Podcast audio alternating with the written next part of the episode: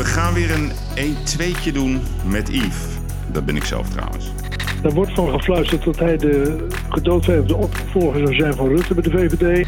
Het is gewoon een, een, een, een uit de hand gelopen bond vanavond. Die zich wel heeft laten opfokken door mensen om hem heen. Die Pim misschien ook niet mogen.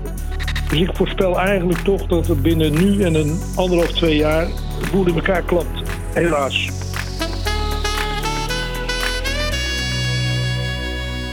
Ja, beste luisteraars, lieve kapiteinen. Het is tijd voor een uh, nieuwe aflevering van Uitblinkers. Vorige week had ik uh, oud-VVD-politicus Klaas Dijkhoff tegenover mij zitten. En uh, met Klaas keek ik terug op twee jaar corona, de situatie in Oekraïne en Rusland. Hij deed een opmerkelijke uitspraak. Hij vond eigenlijk dat Poetin omgelegd zou moeten worden. Ik heb er in ieder geval niks over teruggelezen in de landelijke media, wat me wel een beetje heeft verbaasd. En deze week uh, een nieuwe uitblinker, een uh, mastodont, een icoon. Een icoon van televisie, u kent hem uh, zeker van Business Class. Hij was ook zeg maar de wingman van Pim Fortuyn. En hij is inmiddels 75 jaar en nog altijd zo fit als een hoentje. En nog altijd net zo enthousiast over wat hij doet als toen. Ik wil met hem in gesprek over wie hij eigenlijk is. En hoe hij kijkt naar de stand van zaken van de Nederlandse politiek. Ik ga hem nu bellen. Ik zou zeggen, ga er rustig voor zitten. Het is tijd voor Harry Mens. Hallo? Ja, Harry, goedemorgen. Um, ja, jij bent iemand die staat meestal op om vijf uur. Dat klopt, hè?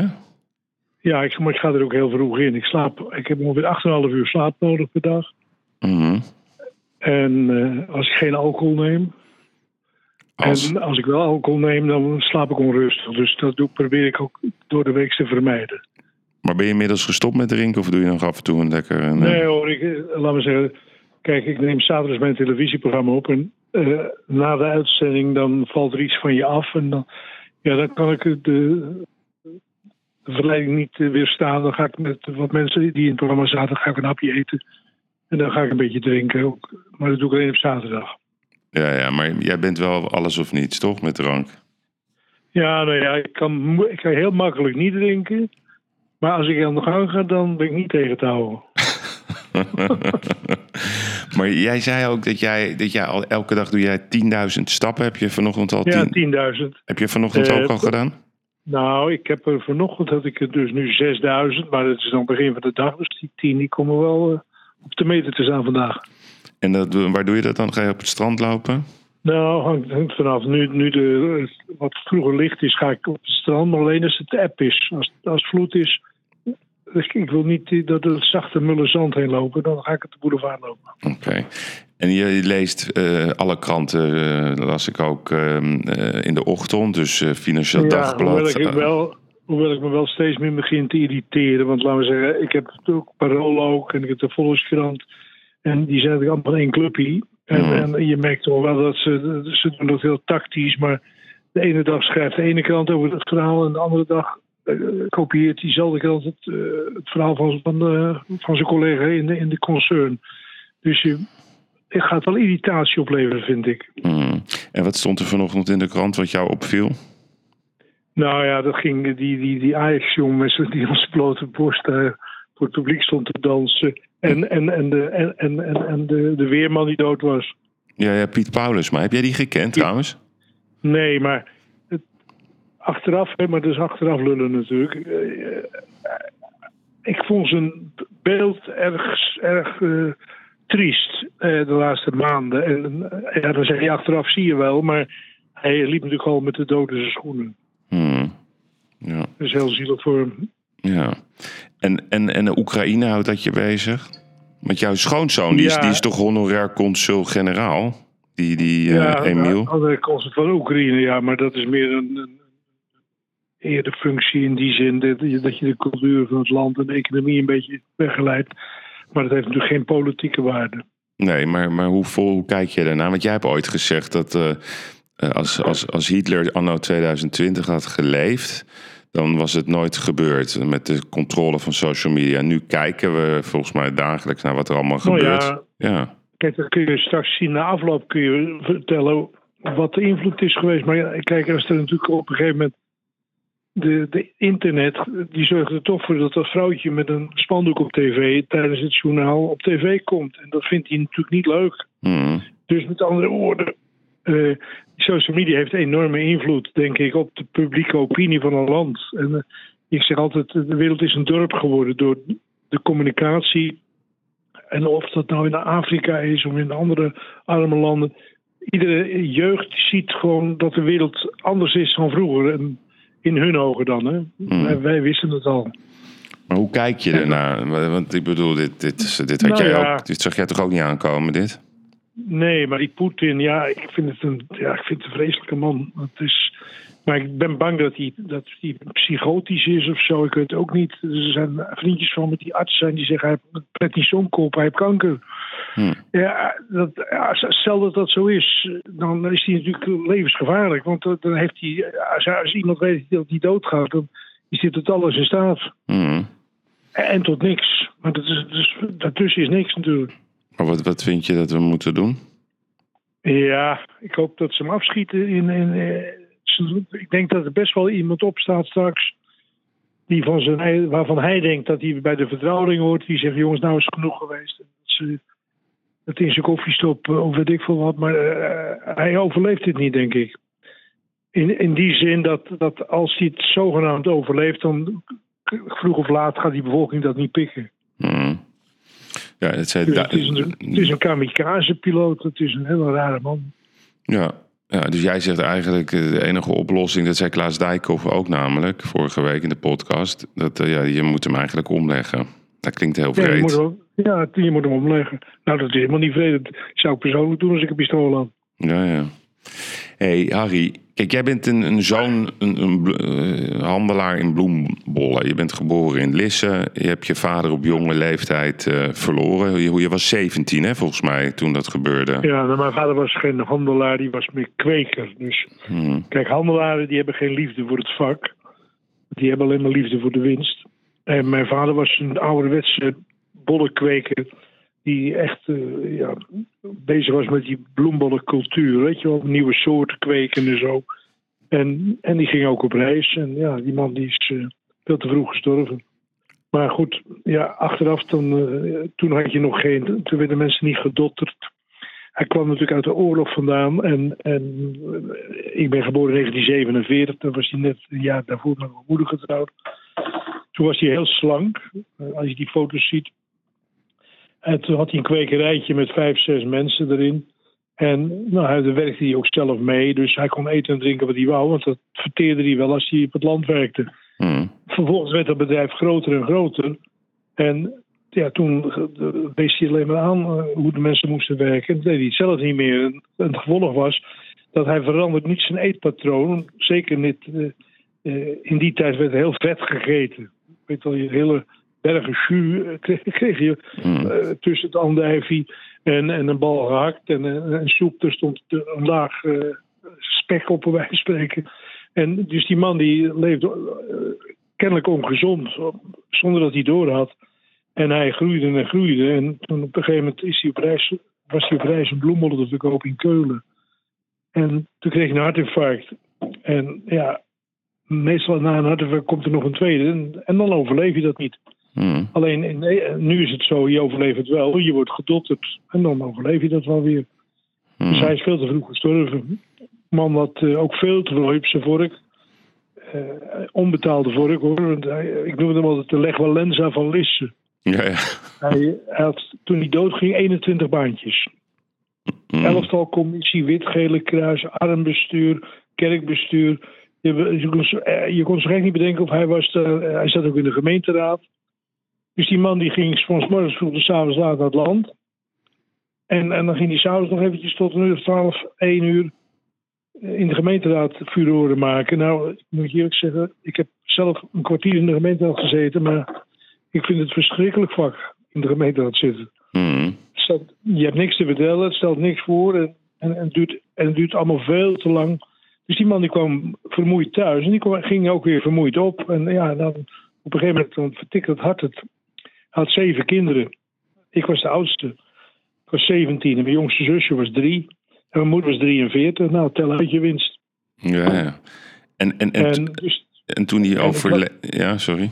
Nou ja, mijn moeder die, dat, is, dat is een hele dappere vrouw, want die is 87 geworden.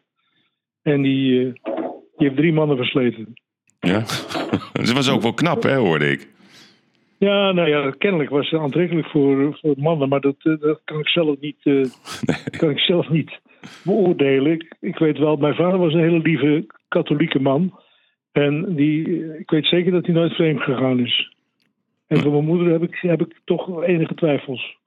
Oké, dus die, dat ondeugen heb je een beetje van je moeder. Ja, dat, nee, dat, dat ik dan even dat jij dat constateerde. Dan hoef ik het niet te zeggen. ja, je bent helemaal niet je het helemaal mee eens. Waar, waar is dat eigenlijk? Want toen jij 17 was, jij toen ook meteen de baas van het gezin? Was jij ook de leider van de zeven kinderen? Nou, het was zo. Ik, ik deed dat jaar eindexamen HBS B.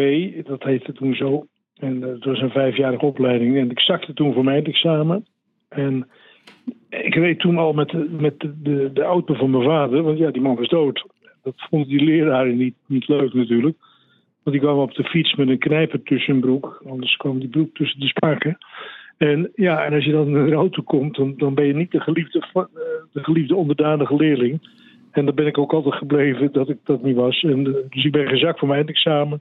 Hmm. Toen zei ze honend, toen zei ze honend eh, nou, tot volgend jaar. Ik zei, jongens, ik heb een verrassing je, kom hier nooit meer terug. Want ik, ik ben geen diploma-mens, maar ik ben een, eh, ik ben een self-made man. En eh, met vallen en opstaan heb ik, heb ik het geleerd. Hmm. Want hadden jullie het ruim, eh, zeg maar, vroeger? Ja, we waren niet, we waren niet arm. Nee, mijn moeder heeft ook gewoon, gewoon goed de finish kunnen halen. Dus dat ging allemaal wel. Nee, we waren niet arm, maar ook niet echt rijk. Dus met andere woorden, maar wel iets meer dan de gemiddelde burger. Ja, ja, precies. En, en, en hoe, hoe kwam bij jou de motivatie vandaan, zeg maar, om in om dat vastgoed te gaan? Want volgens mij was je 23. en Nou, toen- mijn, mijn oom, eh, die heette Martien Zwaan. Mijn moeder heette Zwaan. Hmm. En eh, mijn opa heette Van Dorp. Dat zijn overigens allebei Joodse namen. En ik kan niet op de indruk optrekken dat, dat ik daar ook wel iets van meegekregen heb. Mhm. Alleen ik kan het niet aantonen. Mhm. Maar goed, even dat eh, beside. Maar eh, waar hadden we het over? Nee, dit, hoe, hoe, hoe jij in die, in die, in die eh, vastgoed terecht bent Oh ja, gekomen. mijn oom die, werd- die werd voogd over het- dat gezin. Dat was een broer van mijn moeder. En die was makelaar. Mhm. Die heette toen Zwaan Makelaars. En dat inspireerde me altijd wel. Maar ik ben eerst in de bloembollen begonnen. Als makelaar in bloembollen. En ik kon heel goed verkopen. En ik kreeg 2% provisie. Dan praat ik over 1968. 2% provisie over de omzet. Nou, ik had het eerste jaar een miljoen omzet. Het tweede jaar 2 miljoen, 3 miljoen, 4 miljoen, 5 miljoen. Toen ik 23 was, had ik 7 miljoen omzet. Verdiende ik anderhalve ton guldens. Ja. En, en daardoor was ik echt de, de best betaalde eh, vertegenwoordiger in die, bij die bloembollenveiling. En dat, tot irritatie van de directie, want die verdiende maar 50 mil. Dus dat gaf ook weer frictie. En toen, toen op een gegeven moment toen ben ik in 73 ben ik zeg maar makelaar geworden. Mhm. En dat eh, was eh, midden in de oliecrisis. En dan kom ik eigenlijk weer terecht bij eh, dat de geschiedenis zich herhaalt. Hè. Je, de meeste mensen die kunnen zich niet meer voorstellen wat er tussen 73 en 1980 zich afspeelde. Nou, ik nog wel. En ik was in 73, 25, toen begon ik als makelaar. Zaterdagavond kwam Joop den Uyl op tv. En die zei, de goede tijden van weleer, die komen nooit meer terug. Nou, gelukkig vergist een socialist zich ook wel eens. Ik heb er nooit zoveel verdiend van tussen 73 en 80. Want er was inflatie. En inflatie is natuurlijk koor op de molen van makelaars en ook de goedbezitters. Dat gaat maar omhoog en dat gaat maar omhoog. Alleen, wat ik ook geleerd heb, dat in 1980 werd die blond doorgeprikt. En toen ging het helemaal fout. Toen eh, de Westland Utrecht Hypotheekbank, die moest op, in opdracht van de minister worden overgenomen door Nationale Nederlanden. Egon ging onderuit, die werd overgenomen door, door nee sorry, Fries Groningse ging onderuit en die moest worden overgenomen door de Egon. En de Tilburgse Hypotheekbank, eigenlijk de, de Scheringa bank Hmm. van toen, Ja. die ging zelfs failliet. Nou, toen gingen we dus met z'n allen in een dip. Hu- Huizenprijzen waren in een paar jaar tijd verdubbeld. Dat zie je nu ook. Dus ik hou me hard vast dat de geschiedenis zich herhaalt. Alleen, er is enig verschil. Toen was het, liep de rente op uiteindelijk naar, in krant naar 18 procent. Zee. En naar de hypotheken in 12 procent. Nu wordt natuurlijk, eh, Lagarde houdt angstvallig die rente laag. anders gaan haar bevriende vriendjes in Italië en Spanje en Frankrijk gaan, gaan, gaan mopperen, want die kunnen die rente, hoge rente niet betalen. Dus met andere woorden, die lage rente, die, ja, die, die, die geeft een enorm verstorend effect. Want eigenlijk, als je de inflatie van vandaag neemt, ik, die uh, ga ik zoiets over vertellen, dan, ja, dan is, zou die rente al een procent of 5, 6 moeten zijn. En dat is die niet. Dus dat, dat loopt op den duur gewoon spaak. Hmm. Van de week moest ik de huurnotas versturen voor iemand die een, huurcontract had bij mij. Die mocht 5 ton huur. En uh, dan gaat de index eroverheen. Nou, het was een index van 7,4% op jaarbasis, gemeten van februari tot het jaar, het jaar ervoor 1 februari. Dat betekent dat die man gaat 35.000 euro huur meer betalen. Mm En wat is de praktijk? Die jonge generatie, de veertigers van deze tijd, die hebben in de blind allemaal een huurcontract getekend. Wat, wat geïndexeerd was, wat wisten hun veel. Ze denken allemaal nog steeds dat ze huurverhoging zijn van 1 en 1,5 procent. Nou, Klaas Knot die voorspelde afgelopen zaterdag in het FD dat de inflatie naar 9,5 procent gaat. Dus dat betekent dat je, dat je huurverhoging krijgt van 10 procent per jaar. Nou, dat houdt geen paard vol. Dus, die, dus dat loopt gewoon fout, dat loopt spaak. Mm. En, en, en, dus ik voorspel eigenlijk toch dat er binnen nu en een anderhalf, twee jaar de boel in elkaar klapt. Helaas. Ja, ja. En, en wat, wat houdt dat dan in? Dat, dat gewoon de, Nou ja, dat houdt, dat houdt in als, je, als ik dan de, de lijn terugtrek naar 1978. Dat heeft toen vijf, zes jaar geduurd voordat we zachtjes uit de dal klauterden. Ja, ja. Dat zijn we natuurlijk niet gewend, maar we zijn gewoon aan de beurt. Het is elf jaar goed gegaan. En de, de, de economie gaat op en neer en we zijn gewoon aan de beurt. Ja, ja. En dat betekent dus we krijgen faillissementen, mensen kunnen niet meer aan hun betaling. Ja, nu nog niet. Nu nog niet. Kijk, de mensen die nu luisteren, die vinden mensen oude man die cynisch is. Maar ik uh, maak my words, het gaat gewoon gebeuren. Maar neem eens even terug naar die periode, zeg maar van 78, 79. Wat gebeurde er toen? Leegstaande panden? Was dat nou, toen, ik was makelaar en ik was met nul begonnen in 73. En toen ik in 78 had ik met courtage verdiend, had ik een eigen vermogen van 4 miljoen. Hmm, guldens. in guldens. En ik deed zaken met allemaal aannemers. Ik was toen geen projectontwikkelaar. En die aannemers gingen allemaal, gingen allemaal failliet. Dus ik denk, weet je wat, ik ga het zelf maar doen. Dus dan ben ik gaan ontwikkelen. Maar ja, onverstandig. Met de, de meeste veertigers zijn onverstandig. En ik, ik dus ook. En, en uh, ja, dan ging ik dus... Ik ging eh, naar de andere bank, kreeg ik 10 miljoen bij als lening. Dus ik, ik had 14 miljoen ter beschikking. Nou, dus ik ging project ontwikkelen. Tegen wind in. Nou, dat heb ik geweten, want eh, zeg maar, binnen twee jaar tijd had ik een negatief vermogen van, van min 4. Dus, dus ik was mijn, was mijn poen kwijt en, de, en ik, was, ik weet nog goed. Ik ging op het, eh, bij de andere bank komen. En die hebben zo'n speciale afdeling bijzondere beheer. Die zat toen op het NES. Zo'n klein straatje achter het rookkind daar. Hmm. En nou, dus het kwam er eigenlijk op neer, nou leg je sleutels maar neer, want je bent failliet. Maar goed, eh, ik zie ja jongens, het is allemaal prachtig, maar ik ga niet failliet. En, eh, geef mij nog maar lekker die, een beetje geld erbij, dan zal ik het even afmaken waar ik mee bezig ben. Ik zeg, dan kunnen we de schade beperken en dan krijg je al je centen terug en verdomd het deze. en, en nou, dus ik ben weer uit het dal geklauterd en ik heb alles terugbetaald. Ze hadden al uh, eh, 10 miljoen gereserveerd in de vaarpot voor mij. En die hebben ze weer uit kunnen halen. En dat heeft één voordeel. Dan hoef je de eerste twintig jaar niet meer je balansen te laten zien. Wat vertrouw je dan? Ja, ja. Overigens in een schil contrast met de banken van vandaag. Want de banken van vandaag, dat is verschrikkelijk. Dat zijn allemaal ambtenaren in het kwadraat. Het is niet normaal wat de banken op dit moment met middenstanders en ondernemers doen. Dat, is, dat heeft niets te maken met, met eh, het wezen wat een bank, waar een bank voor is. Ja, nee, maar banken zijn heel. Ja. ja banken, onder invloed van de nieuwe wet WFT krijg je allerlei formulieren die je in moet vullen elke dag. Dan zullen ondernemers mee geconfronteerd worden. En als dat nog niet zijn, nou, maak je borstmat, ze komen eraan. En dan krijg je de gekste vragen. Van, uh, ik had uh, laatst een vraag van mijn bank. Ja, u neemt uh, drie keer 500 euro op in Saint-Tropez. En ja, waar was dat voor? Ik zei, nou, u mag drie keer rijden. Ik zei die man. Ik zei, meneer, in, Sla- in Frankrijk wordt er nog cash betaald. En als je dat niet doet, kom je het restaurant niet binnen. ik zeg, dus ik heb gewoon 1500 euro opgenomen in, in reken de krant. En nou, daar moet ik netjes eh, dividendbelasting over betalen. En dan eh, is het weer eh, gladgestreken. Oh, oh ja, ja, ja, zit dat zo? En ik nog een vraag, zegt die man. Hij zegt, u hebt 1100 euro gestort in eh, oktober. Waar was dat voor? Ik zei, nou, dat zal ik u vertellen. We zitten met 12 man te eten bij Villa de Duinen. We zaten te kijken naar de Grand Prix. Ze hebben de bon genomen voor 12 mei. En toen hebben de jongens allemaal een meiertje bij mij ingeleverd, 1100. Die heb ik weer teruggedekt bij de, bij de bank. Ik had ze ook in mijn zak kunnen steken, maar dat deed ik niet. Tje. Oh, hoe zit dat zo? Oh, zit dat zo? Ja, ja, ja, ja. Ja, en dan hebben we nog een vraag. Eh, u bent in 2011 eh, met al uw BV's bij ons cliënt geworden. Ik zei, nou meneer, ik zei, u bent waarschijnlijk onder de 30. Hij zei, ja, dat klopt. Ik zei, ja, natuurlijk, het ontbreekt u aan historische kennis, maar ik zal u even inlichten. Ik zeg, ik ben, ik ben al 60 jaar klant bij de ABN AMRO. Eerst AMRO en toen ABN AMRO.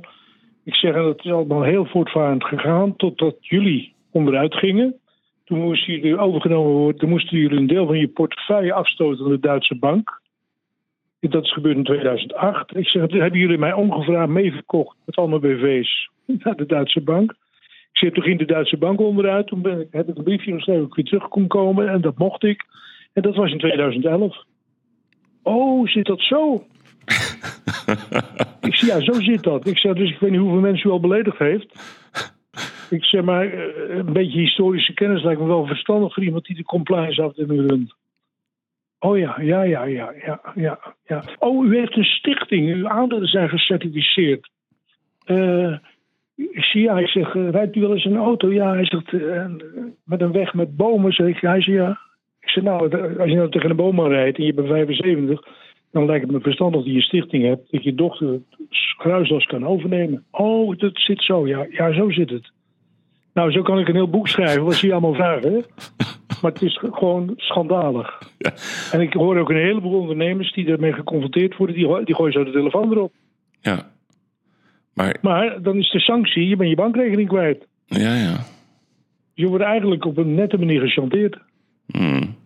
Maar is dit nog te stoppen of is dit gewoon eh, de toekomst? Nee, het is de wet WFT. Ze zijn bij jou nog kennelijk nog niet geweest. Je klinkt bijna relaxed. Ja, nee, ja, ik heb ook wel eens dit soort vragen gehad. Precies wat jij nu zegt. Goh, u had een opname gedaan. Waar is het? Ja, het is niet, niet normaal. Of bijvoorbeeld, ik weet nog dat ik in Rusland zei. Ik heb zeven jaar in Rusland zaken gedaan. Daar moest je Ja. ook wel eens wat opnemen. Ja, ik heb gezien dat u zoveel heeft opgenomen. Waar is dat voor? Nou, uitleggen. Ik zeg, gaat u een keertje met me mee, want dat kan daar niet anders. Anders krijgen ze die deuren niet open in die hallen. Oh, ja, en precies, zit dat zo? Ja, dat is het.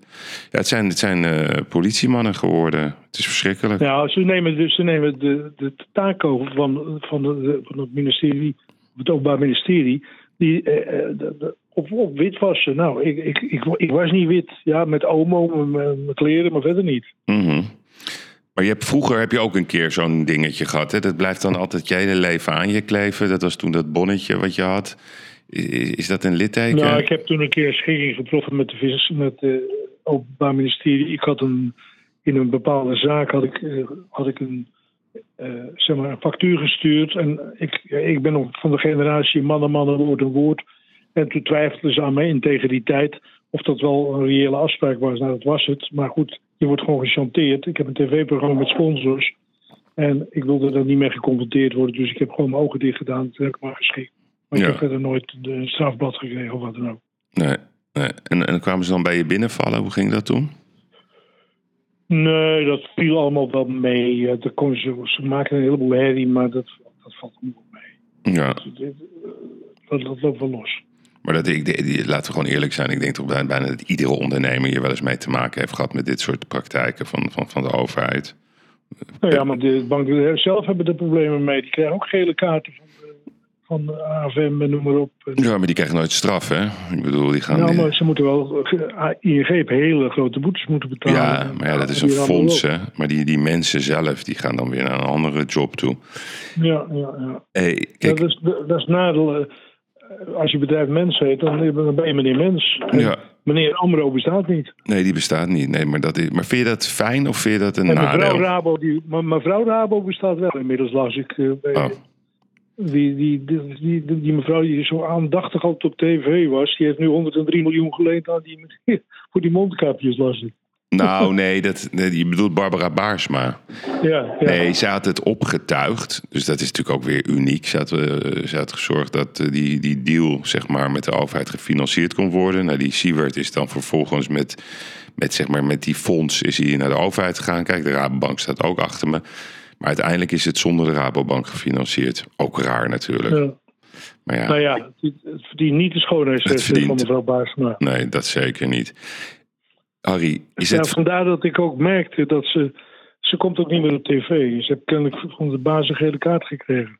Ja, maar goed, de baas heeft natuurlijk altijd eh, geweten en meegedaan. Maar ja, je weet hoe het werkt met Ja. die banken. Als het even Ja, een beetje te heet onder hun voeten wordt, dan gooien ze je voor de bus.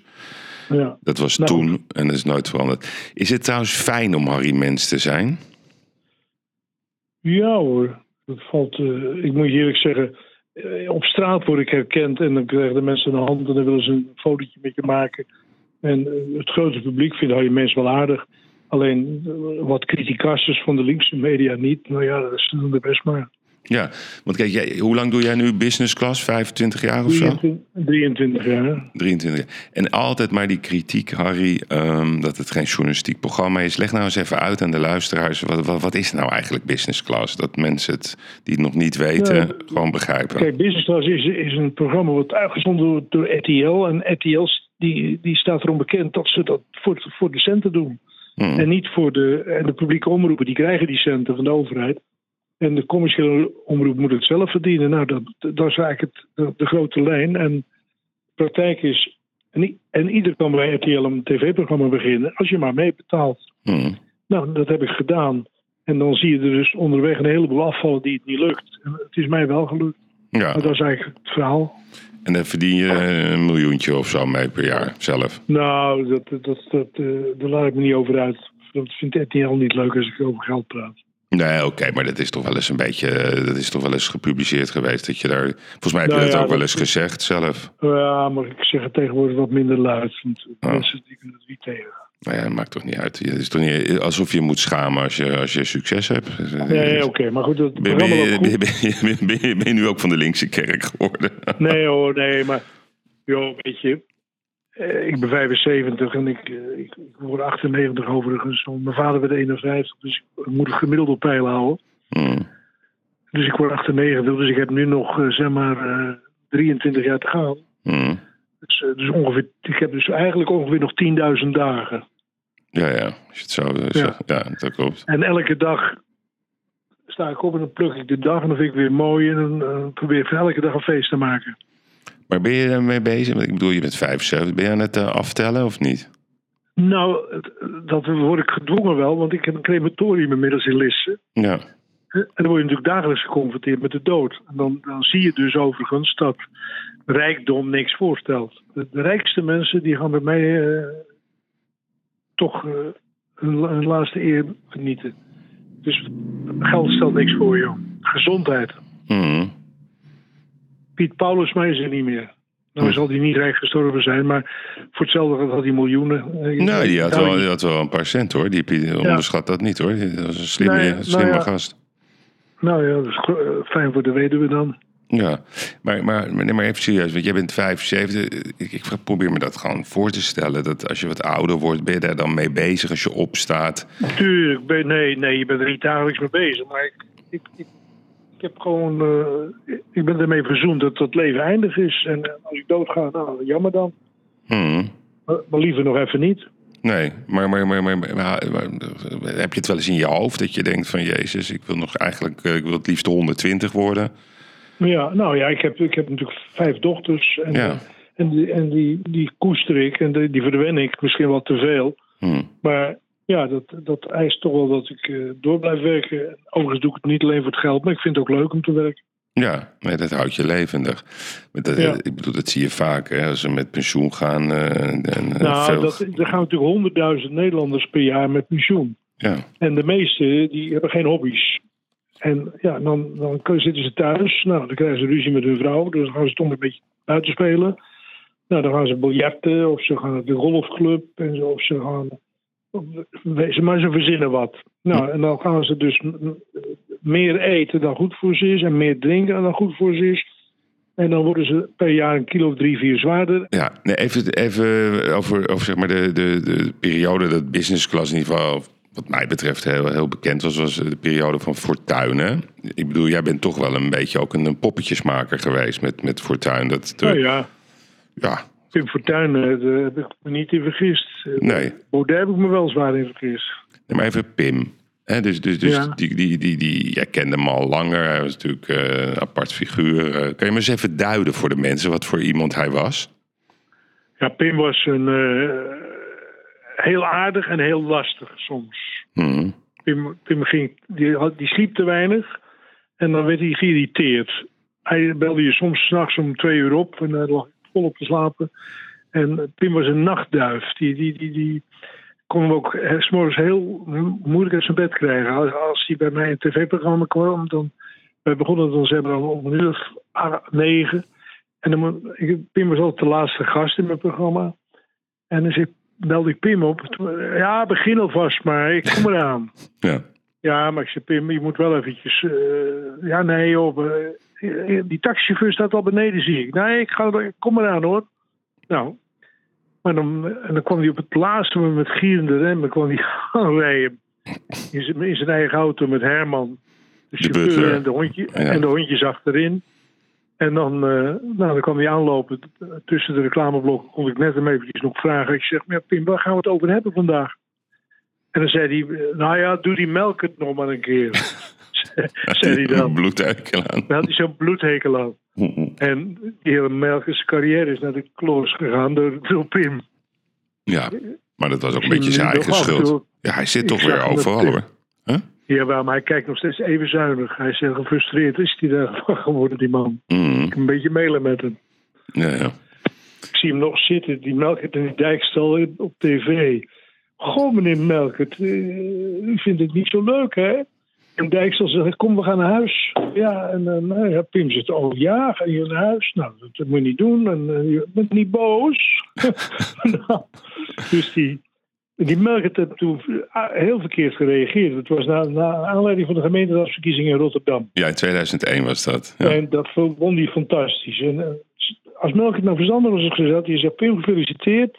Je hebt onze ogen geopend. We zijn nu gewaarschuwd. We gaan onze campagne aanpassen aan jouw kritiek. Mm. Nou, dan had hij, dan had hij daarna nog gezeten. Mm. Maar, Maar- dat kon we niet tegen. Nee, maar even, even terug naar die periode. Hè. Dus, dus, dus hij kwam, hij wa- hij was een nachtduif, hij, hij genoot van het leven. Ik, ik weet nog, ik heb, had ook een goed contact met hem. Hij zei tegen mij, ja, als ik eh, president word, dan ga ik echt niet ochtends de kamer in. Dat vertik ik gewoon. Ik ga gewoon die schema's aanpassen. Pim, die, Pim die zegt, nou, hij zegt, ik word natuurlijk minister-president. Ja. Hij zegt, dan ga ik het katshuis, laat ik verbouwen door Kees Dam. hij zegt, wil ik net zoiets hebben als Le Garage, met dat rood en dat plush. En ik ga er ook wonen, zegt Pim. En Pim zegt, en ik heb een verrassing voor je. Jij krijgt als enige een sleutel van het hek. Ik zeg, nou, dat is prima. Hij zegt, en dan, hij zegt, eh, vrijdags bij de publieke omroep van de minister-president spreek het volk toe, dat doen we niet meer. Hij zegt, we gaan het live uitzenden, elke zondag via Business Class. Kom jij met een cameraploeg naar het katshuis. Hij zegt, zo gaan we het doen. Ik zeg, nou Pim, dat, dat, dat biedt perspectief. ja. Maar even, Maar het is, het is er helaas niet van gekomen. nee. Had jij, had jij het verwacht? Nou, hij, ik weet wel, de, de, de, de, de laatste keer dat ik hem sprak, toen reed ik, zeg maar, ik kwam bij Ben Mandenmakers vandaan. Uit de, en dan ging ik in die tunnel in Dordrecht. En Pim ging aan de andere kant richting Tilburg. Dat was net bij Jeroen van Erik geweest van, A- van Feyenoord. En toen was het de laatste keer dat ik Pim aan de lijn had. En toen zei Pim, ja, hij zegt, nou, hij zegt, het, is, het is toch wat, hij zegt, die van Erik is een leuke man. Hij zegt, nou, hij zegt maar ja, hij eh, ik ga nog eventjes naar Tilburg toe. eh, of Breda, ik weet niet meer precies. Ja. Hij zegt, dan ga ik even terug naar de studio nog in Hilversum. Hij zegt, dan ga ik nog eventjes naar eh, een sponsordiner in Leeuwarden. Hij zegt, dan ga ik zo met een bochtje rijden naar de hotels van Oranje. Hij zegt, ik heb met Albert de Boy afgesproken. Hij zegt, wordt toch een beetje link, wordt het, zegt hij. Dan sluit ik me even op in de hotels van Oranje. Je moet wel elke dag even langskomen, zegt hij. Hij zegt, maar eh, ik ga niet meer buiten spelen tot 5 mei. Mhm. Nou, en dat, dus hij had wel de voortekenen dat hij werd bedreigd. Maar van de andere kant, eh, ja, je wist toch niet waar die, eh, waar die ja, ik heb het nooit begrepen wat die, wat die man bezielde die hem doodschoot. Nee, maar dat hebben we ook nooit geleerd. Hè? Ik bedoel, er zijn natuurlijk allemaal theorieën over. Heb jij daar een mening over, wat er nou echt is gebeurd? Nou, ik denk dat dat, dat indirect toch een beetje het gevolg is van mijn programma. Het, het was zo, zo dat die, uh, hoe heet hij nou, die, die Joodse advocaat, uh, Knoop niet, nee, uh, die documenten ook Oh, Hans Knoop. Hans Knoop. Hans Knoop, ja. Nou, Hans Knoop die, die was voorzitter, of die, was, die deed de PR voor de Nederlandse Bondkwekers. Mm. En, en, die had een item bij mij gekocht in het programma. En toen zegt hij, zegt, nou dan moet Suus even gaan filmen in Denemarken. Nou, dat was een heel ongelukkig filmpje. Je zag toen al die, die, die zeehondjes daar liggen. En dat, dat, dat, dat, was niet echt smakelijk. Mm. En, en uh, dat, zenden die, dat zonden wij uit in ons programma. En toen aan het eind gingen we aan tafel zitten met de camera's aan. En toen zei Pim, hoe zie jij dat nou? En nou zit hij met dat bond. Hij zei, ik heb zelf een bondjas. Hij zei, ik vind het prachtig. Hij zegt, en, nee, die bondkwekers die, die, in Nederland hoeven zich geen zorgen te maken als Pim premier wordt. Hoor, want uh, ze mogen voor mij door blijven gaan. Want uh, Frans Molenaar die heeft bond nodig. En ze hebben allemaal bond nodig. Voor mij mag het. Nou, en en ik heb begrepen dat die, dat die, die Chloris die doodschoot, dat die toch ook een beetje in die wereld zich ophield. Dus al die, die andere conclusies dat hij door, door, de, door de overheid was gestuurd en noem maar op, geloof ik niet. Het is gewoon, hij is gewoon een door, doorgeslagen bondfanaat. Die, die heeft en die heeft zich op laten fokken en die heeft het gedaan. Om die reden. Ja, ja. Want het rare is dat dat nooit, zeg maar de beste man is uh, bevraagd of publiekelijk bevraagd. Uh, er waren ook uh, de krokodillentraan. Ik weet niet of je ze nog kan herinneren van, van, van, van, van Wim Kok. Eh, van, van Melkers vond het allemaal verschrikkelijk. Maar een week daarvoor wensen hem ze de hel eigenlijk toe. Er is nooit echt een groot onderzoek geweest naar waar, vanuit de overheid, wat ook transparant was, wat er nou precies is gebeurd. En, en de suggestie dat het vanuit het Koningshuis is gekomen. Die geloof nee, je nou, niet? Geloof, niet. Geloof je nee, niet? Geloof ik niet? Of van Donner of van andere? Geloof nee, je niet? het is gewoon een, een, een, een uit de hand gelopen bond vanavond. Mm. Die zich wel hebben laten opfokken door mensen om hem heen, die Pim misschien ook niet mogen. Dus in de, ze hebben dat wel een beetje gestimuleerd waarschijnlijk. En, Mm. en het, want het blijkt dat hij kennelijk, dat hebben ze nooit kunnen bewijzen, dat hij al een, eerder iemand dood, uh, doodgeschoten. Een Ja. of zo. Mm. Hey, en, en kijk, dit het was, het was 2002, hè, 6 mei 2002.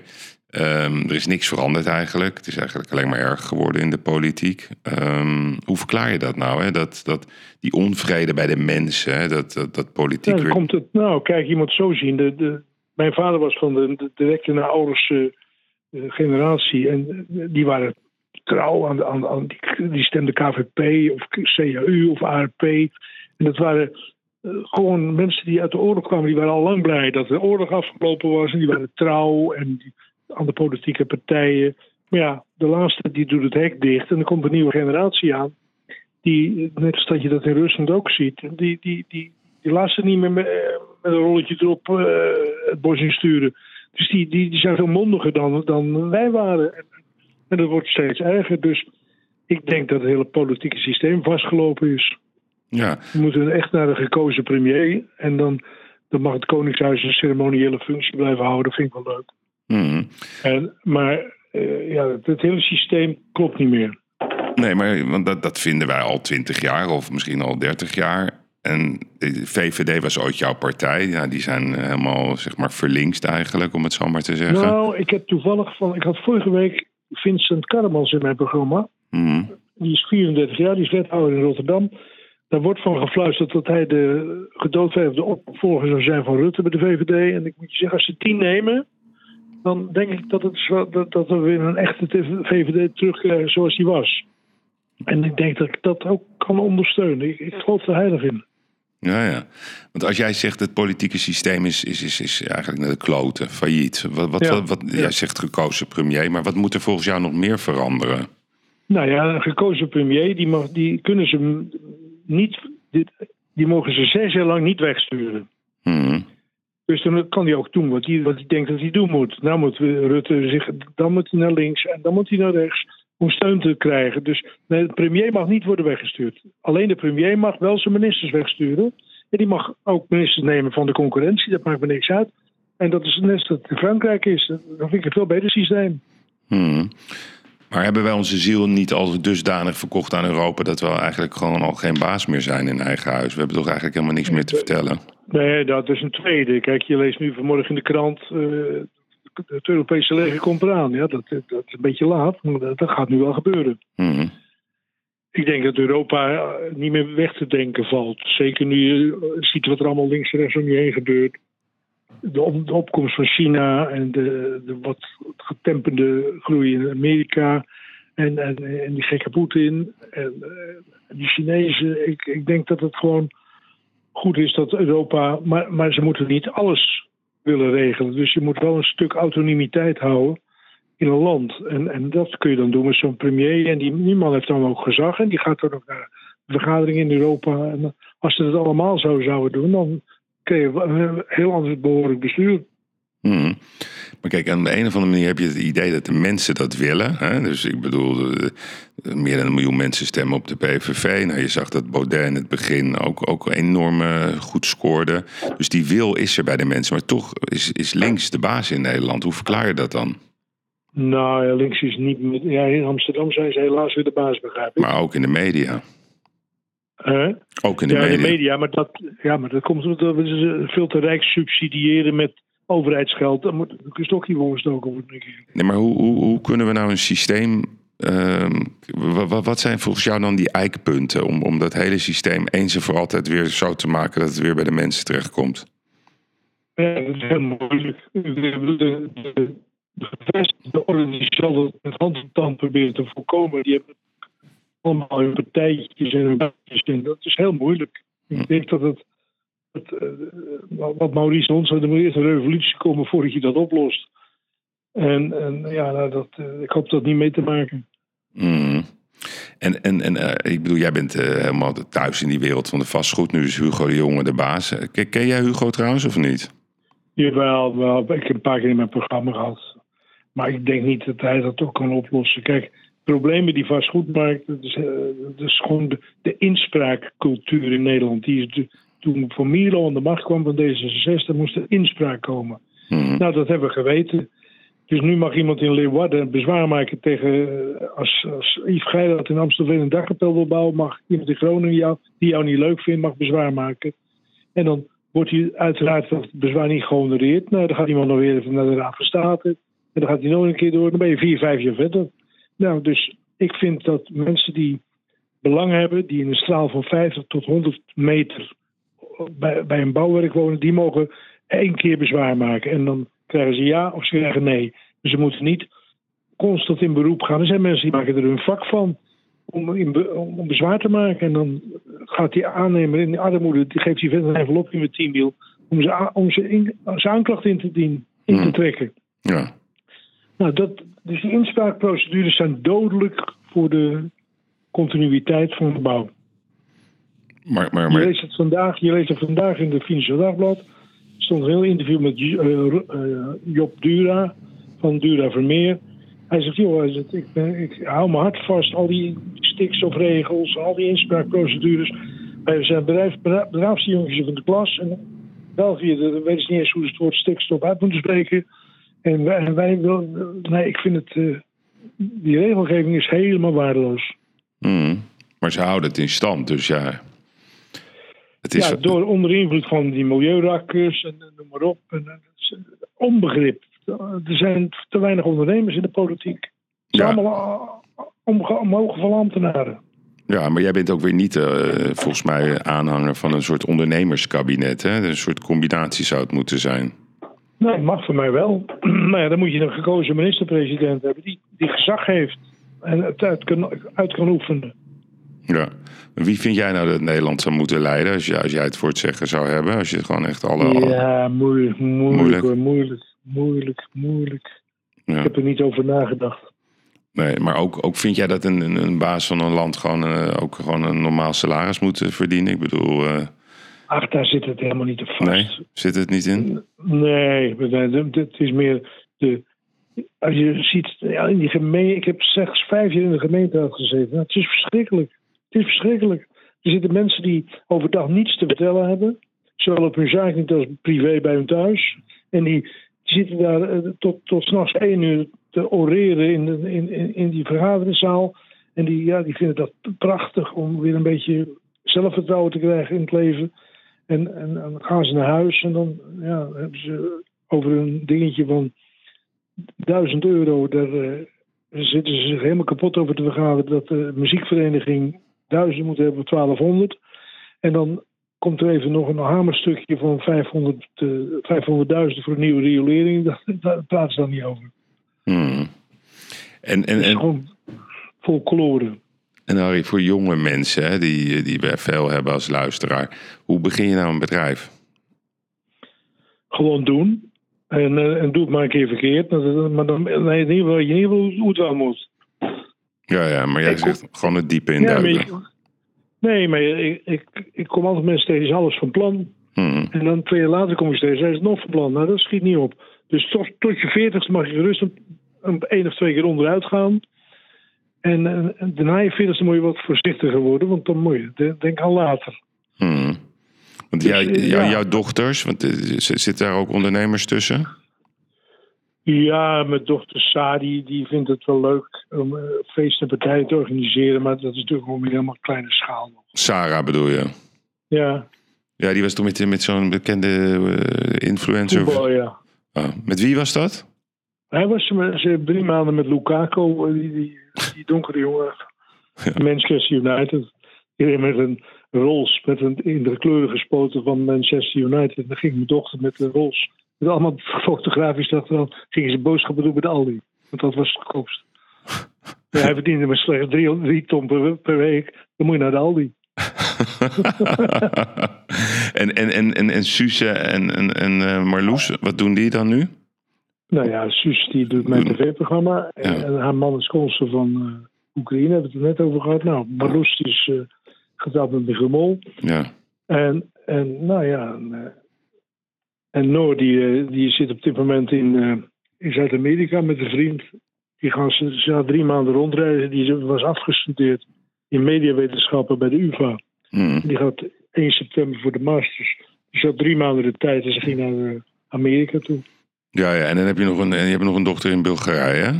Ja, die zit, die zit op de Amerikaanse school in, uh, in Varna. Die is inmiddels 17. Hmm. En die, die, die, leert gelukkig ook goed Engels spreken. En ben je nu ben je vrijgezel op het moment? Zeg je? Ben je vrijgezel nu? Ja, ik ben vrijgezel, ja. En, en doe je het rustig? Of, of, of, of, of het is nou, wel... bevalt, me, bevalt me wel, maar niet elke dag. Nee, nee maar, maar ben je nog zo hongerig of, of, of is dat wat gemind? Nee, ik, nee, ik ben gewoon. Ik heb wel. Ach, ik heb wel vriendinnetjes, maar. Uh, daar laat ik me verder niet over uit. nee, maar... Zandegoeds, moet, anders maak ik het gras voor Zandegoeds zijn voeten weg. Ja, nee, maar wordt dat nou minder, het libido, als je wat ouder wordt? Ja, nou, daar gaan we niet uh, over discussiëren. Nee, dat doen we niet. Nee. En dat is uh, gewoon een privé-onderwerp. Oh, Kijk aan.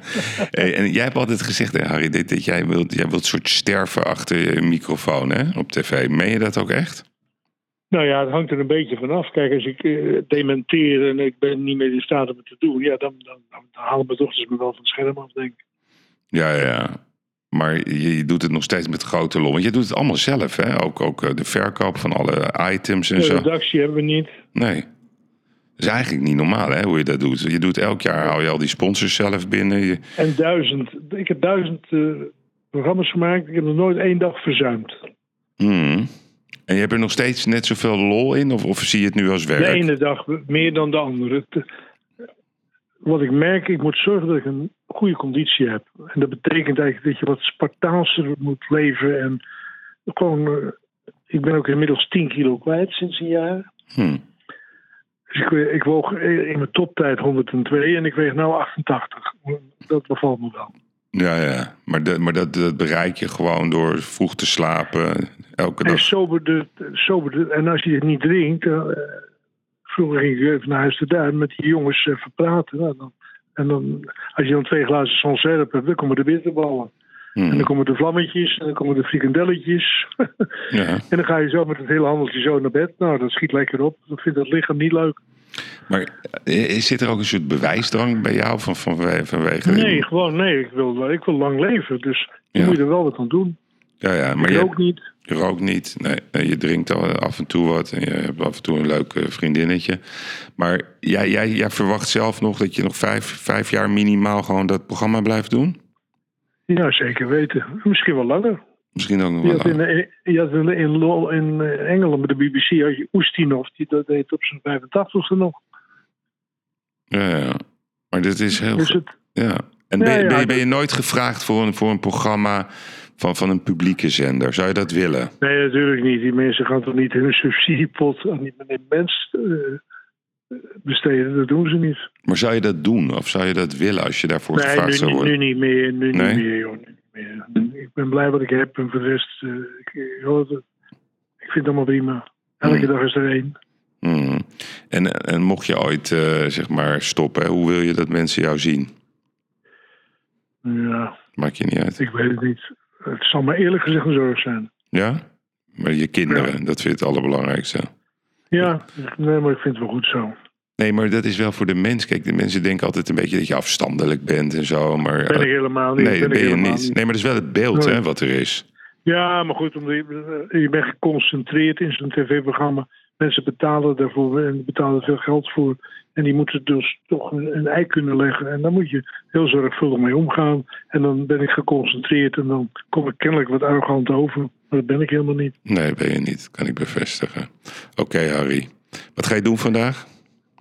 Ik ga nu, eh, ik moet opschieten, want ik moet naar de pedicure. Oh, je, je handen of je voeten?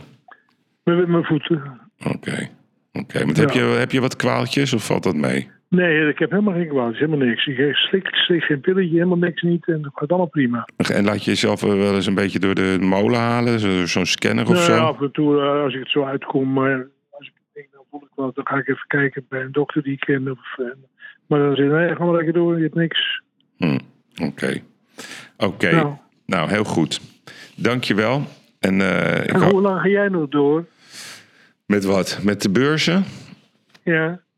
Ja, Hé, hey, maar ik krijg een lijntje, ik hang op. ja is, is goed jongen. Bye bye. Bye, bye. Ja, luisteraars, eh, dank voor het eh, luisteren. Dit was eh, Harry Mens in de Gigs. Mooie quotes, mooie anekdotes en mooie wijsheden. Vrijdag ben ik er weer met een nieuwe aflevering van de Gigs. Met Erik de Vlieger. Ik ga hem toevallig vandaag even opzoeken. Ik ben morgen weer terug. En dan zal ik mijn ervaring met u delen. Vrijdag ben ik er weer na een eh, mooie week met veel zon. En dan is het weer tijd voor de Gigs. Tot vrijdag.